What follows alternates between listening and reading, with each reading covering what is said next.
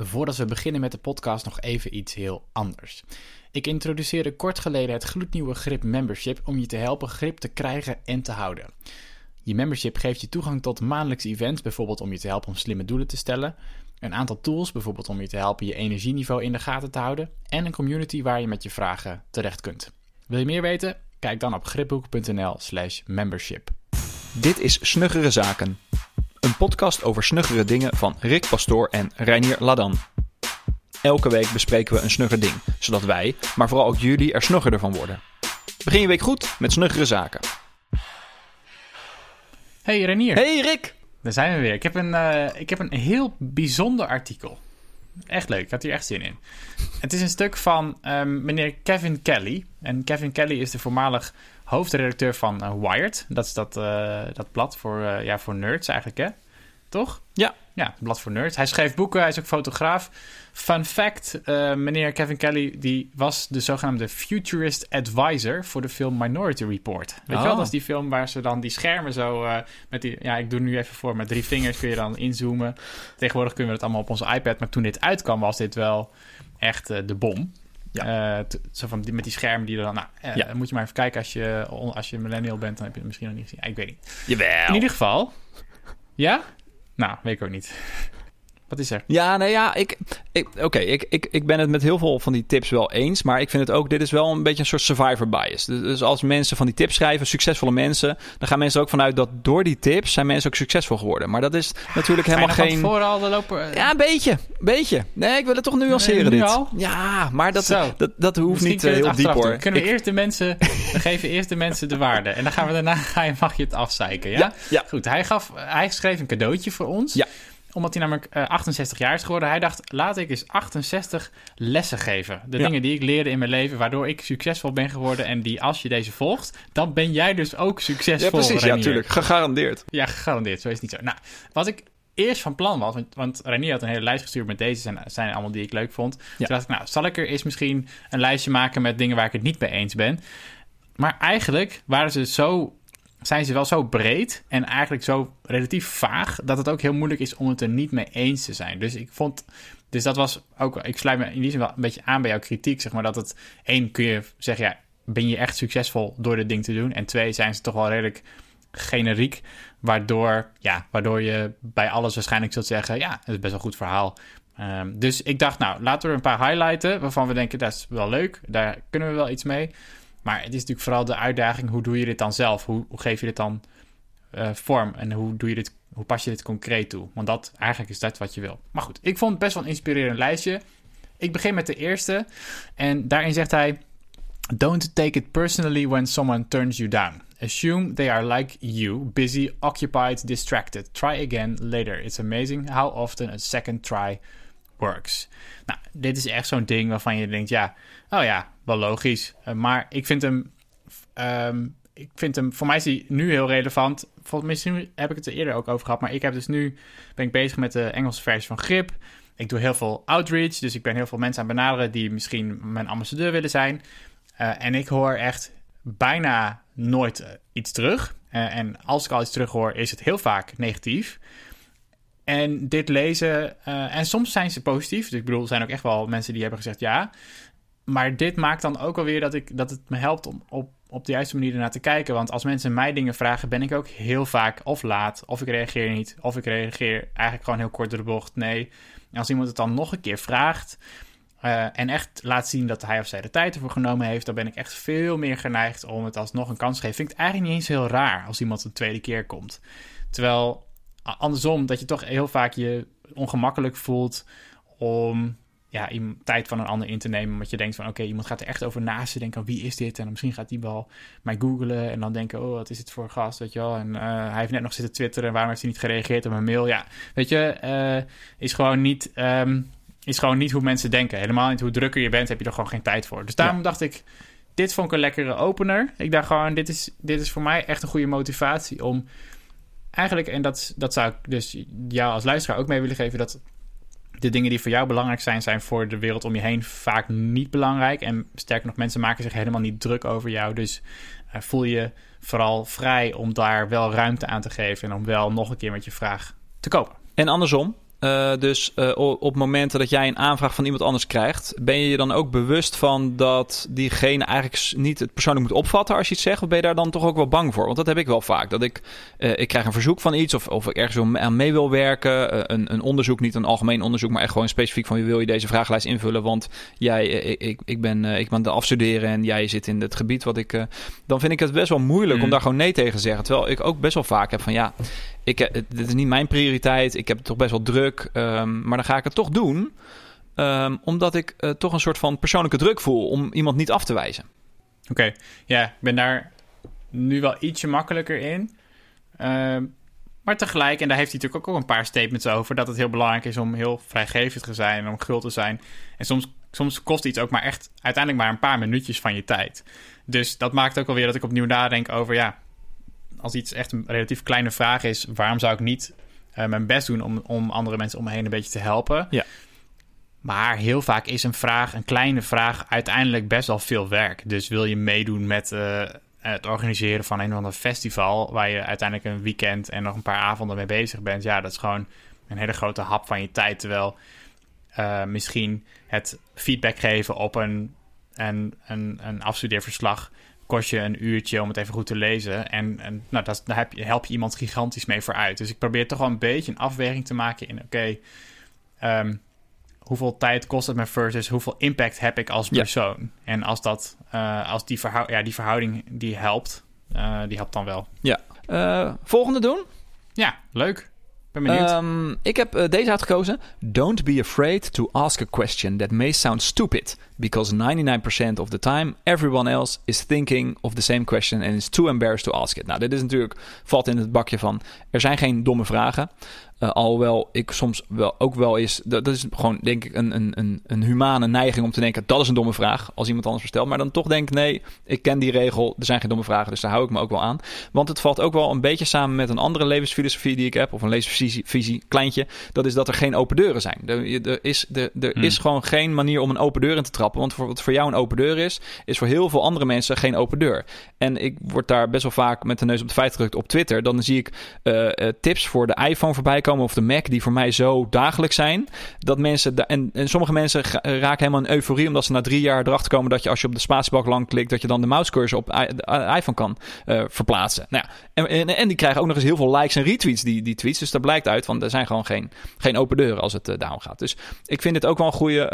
Uh, je moet je vooral niet schamen om een vraag te stellen, ook al is het een hele basisvraag. maar vaak de basisvragen dwingen de, de ontvanger ook om eens na te denken op het ba basale niveau van die vraag.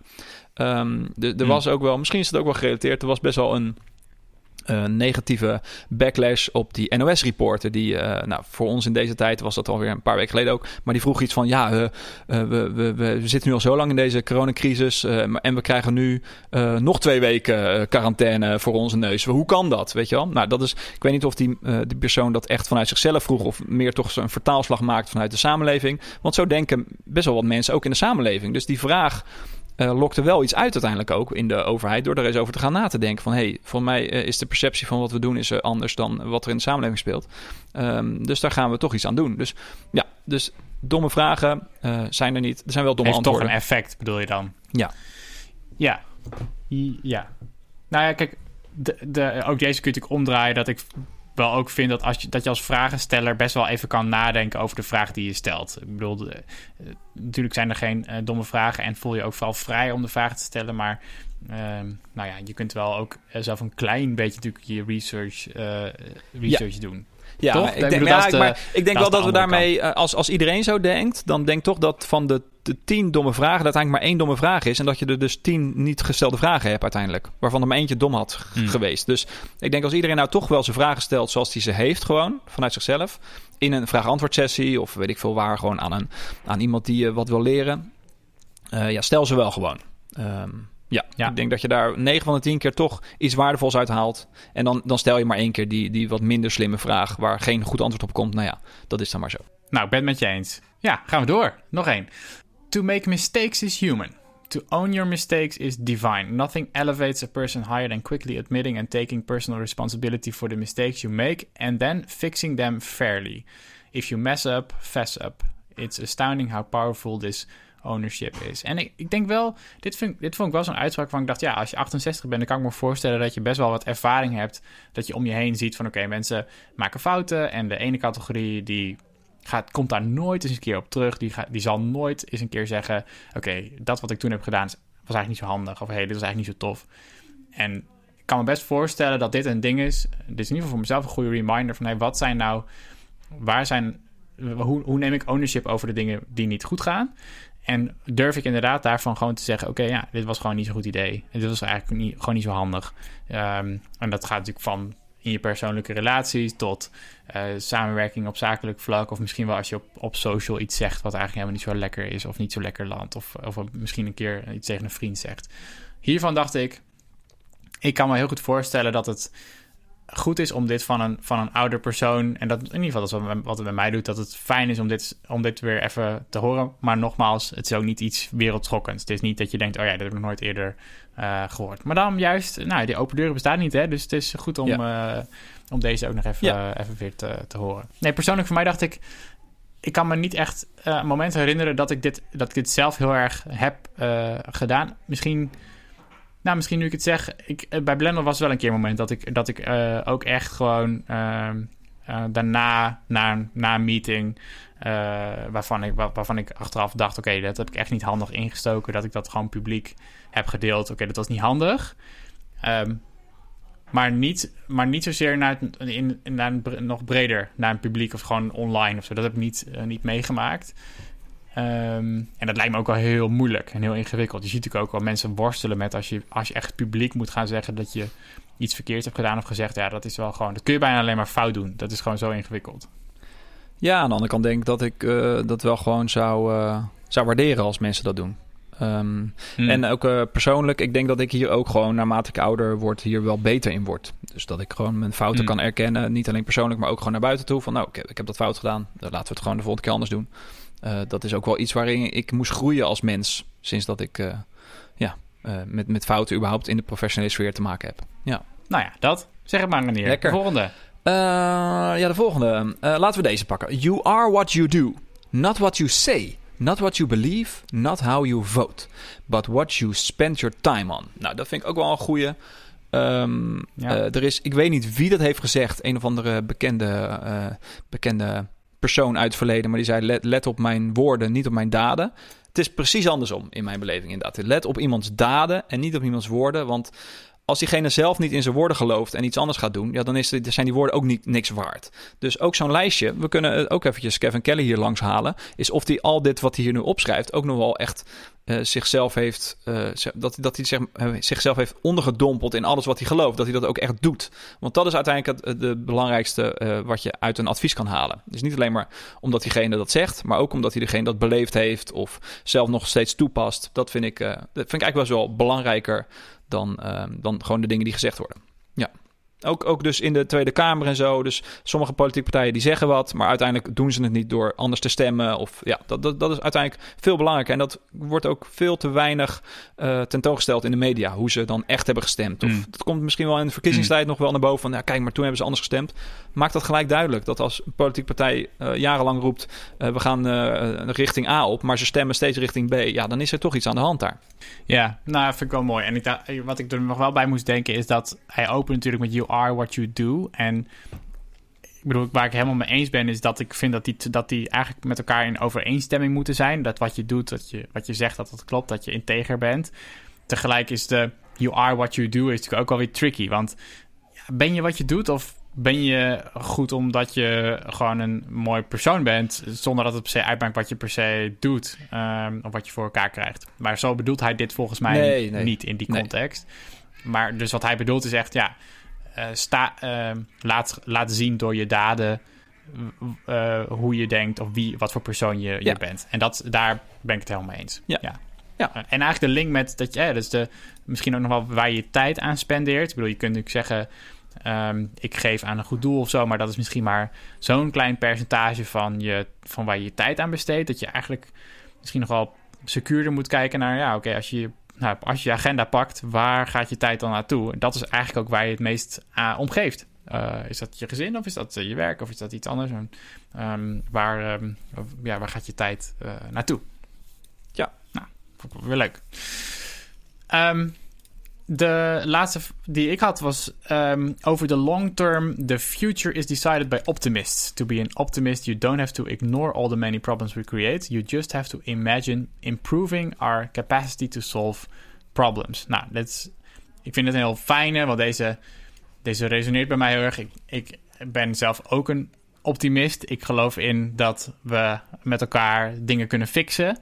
En ik vond het daarom een heel fijne. Weet je wel, dit is, dit is, uh, deze bevestigt mijn wereldbeeld. Daarom zijn deze quotes ook fijn. Als je ja. je wereldbeeld, als je je wereldbeeld zoveel Het is een Rochard-test. Deze, ja, je ziet erin wat er. Ja, uh, deze kan gewoon. Ja. Precies, wat je wil zien. Ja, ja, en wat je graag wil horen. En de, van deze dacht ik, ja, hier ben ik het zo mee eens. Deze ga ik nog maar een keer herhalen. Maar ik geloof het ook echt. Ik denk ook dat. Um, als optimist inderdaad ook niet. Daarom vind ik de nuance erin ook al fijn. Je hoeft echt niet. Je, uh, een optimist um, negeert niet wat er allemaal speelt. En negeert niet dat er problemen zijn. Maar die ziet wel in al die dingen een kans of een mogelijkheid om het slimmer of beter te doen. En die gelooft er uiteindelijk in dat we met elkaar dus ook vooruit gaan. En dat vind ik toch, um, vind ik toch mooi. En ook als je naar ons als mensheid kijkt, dan denk ik dat je dat ook ziet. Dat we in staat zijn om dingen op te lossen. Uh, hoe groot de problemen ook zijn. Dus, maar wat vind jij daarvan, Reinier? Uh, nou, ja, voor mij zoek je nu een tegenstelling die niet is. Nee, ja, ik, um, oh. ja, ik denk uh, dat het best wel een, een vrij strikte uh, stelling is die hij zegt. dus de, de, de toekomst is, wordt alleen maar eigenlijk beslist door optimisten. Uh, ik denk ook dat pessimisten best wel uh, een waarde kunnen hebben die mensen aan het nadenken kunnen zetten om de, de goede, goede richting in te gaan. Een pessimist is niet per se iemand die het niet beter wil hebben in de toekomst. Um, en heel veel pessimisten uh, krijgen dat stempel terwijl ze realisten zijn. Misschien is dat wel iets waarom ik denk van nou, ik weet niet of dit zo helemaal 100% waar is. Um, ja, hmm. en ja, wat, is, wat is een optimist ook? Ik, zie, ik zie die kaders niet heel goed of zo het alleen maar hoopvol nadenken is ook niet altijd realistisch. Dus daarom misschien dat ik meer denk van, nou, ik, ik, ik zie meer waarde in een realist dan in puur sec een optimist. Want een optimist is in mijn boekje iemand die altijd maar het optimisme ziet in dingen, terwijl dat niet altijd het geval hoeft te zijn. Ja. Hmm. Ja. Daarom denk ik ook dat je het aan mij vroeg nou. zo. Hè? Want uh, we hebben af en toe wel eens een, een gesprek over uh, de staat van de wereld en zo. Ja. nee, maar ik snap je punt. Ja, helder. Ja. Nou, uh, ja, ik heb er eigenlijk uh, nog twee die met elkaar te maken hebben. Want uh, ze, ze zijn voor mij. Nou, nee, ook niet. Ja, ze, ze hebben wel met elkaar te maken. maar ik doe er maar eentje dan. to make something good, just do it. To make something great, just redo it. Redo it, redo it. The secret to making fine things is in remaking them. Um, waarom ik zei, uh, hij is gerelateerd aan een ander. Want die ander gaat over dat je moet het maken en het um, het uh, verbeteren van dingen moet je gescheiden houden. Daar heeft hij ook een punt van. Uh, dat zit hier ook een beetje in. Hè? Dus je moet eerst gewoon iets doen. Stel je wil een artikel schrijven of een podcast maken. Ga gewoon beginnen. Doe het. Doe het gewoon. En later kun je het verfijnen. En dan word je er beter in. En dan word je er uh, uiteindelijk, als je er meer dan 10.000 uur in hebt gestopt, volgens Malcolm Gladwell, dan word je een expert in. Um, daar kunnen we het een andere podcast over hebben. Um, maar ja, dat, dus dat, ja. dat hele scheiden van ook maken en het verbeteren, dat zit hier ook een beetje ja. in. En dat vind ik heel belangrijk. Dat, dat, dat, dat, dat, besef heb ik ook al jaren.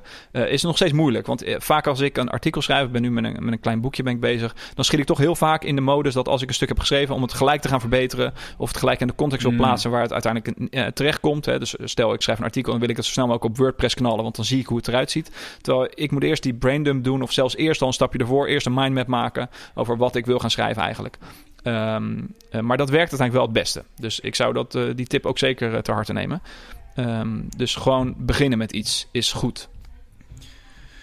Ik merk ook dat, dat want ik herken dat in die zin dat ik ook de neiging heb om dan iets te maken en dat gewoon om online te knallen of daar gewoon mee publiek te gaan. En bij mij is eigenlijk de enige manier om echt dat te laten werken, is samenwerken met andere mensen die me, hm. die me werk checken. Want dat, dat maakt al dat er een natuurlijke vertraging in zit. En, en ook iemand die meekijkt, die feedback geeft. En waarvan ik dan bijna altijd denk: ja, weet je wel, ik was eigenlijk al onderweg om dit gewoon live te zetten. Ja. Maar eigenlijk heb je gewoon gelijk. En dan moet ik dit echt nog even wat beter doen. En dat maakt wel dat. Ik heb bijvoorbeeld al twee weken lang een pagina live staan voor mijn Engelse boek, die ik nog niet heb gedeeld. En uh, ik heb die feedback net binnengekregen. Ja, dat was gewoon heel dom geweest ja. als ik dat al had gedeeld. Dus het is... Ja. dus, de, dus misschien dat dat als je zelf geneigd bent om dat te doen, dan is externe feedback misschien een fijn uh, middel om jezelf een klein beetje te vertragen. Ja, en jij hebt daar misschien nu, nu mensen voor die dat voor je doen voordat je het publiceert. Maar je kan ook het wel publiceren en dan de, de, de mensen die het lezen vragen echt om feedback. Dus daar ook voor openstaan. Mm. Uh, bij veel beginnende mm. schrijvers is dat gewoon de enige manier. Die hebben nog niet echt mensen in hun cirkel om ze uh, te helpen met datgene wat ze publiceren. Uh, maar dat, dat is, ja. hoort daar ook bij. Dus je, je kan best wel dingen publiceren, maar probeer er dan vervolgens ook van te leren. Hè. De, de, publicatie is niet het eindstation. Dat is eigenlijk maar het begin van het verbeteren van jezelf om verder te komen. Mooi. Ja. Vind ik heel mooi. Ja. Nou, er zijn natuurlijk nog... Uh, ja. Want we hebben dus nu zes behandeld. Dat betekent dat er nog 62 tips voor je staan ik zou zeggen, lees het. Want het, ik denk dat er sowieso een paar dingen uit, uitkomen waarvan je zelf al denkt... oké, daar wil ik eigenlijk deze week eens over nadenken. Of dat is eigenlijk wel iets waar ik, wat wel resoneert... waar ik misschien nou, wel wat, uh, wat, wat slimmer of wat beter kan doen. Dus wat beter luisteren. Of, uh, nou ja, goed, dat zijn echt heel veel toffe tips. Uh, maar dank voor jouw highlights, Reinier. Ik vond het leuk om met je, even over met je te kletsen. Ja, onthoud ook vooral de tip die je geeft... start nooit een landoorlog in Azië. Dit was Snuggere Zaken. Wil je meer weten over Snuggere Zaken? Ga dan naar snuggerezaken.nl. Tot volgende week.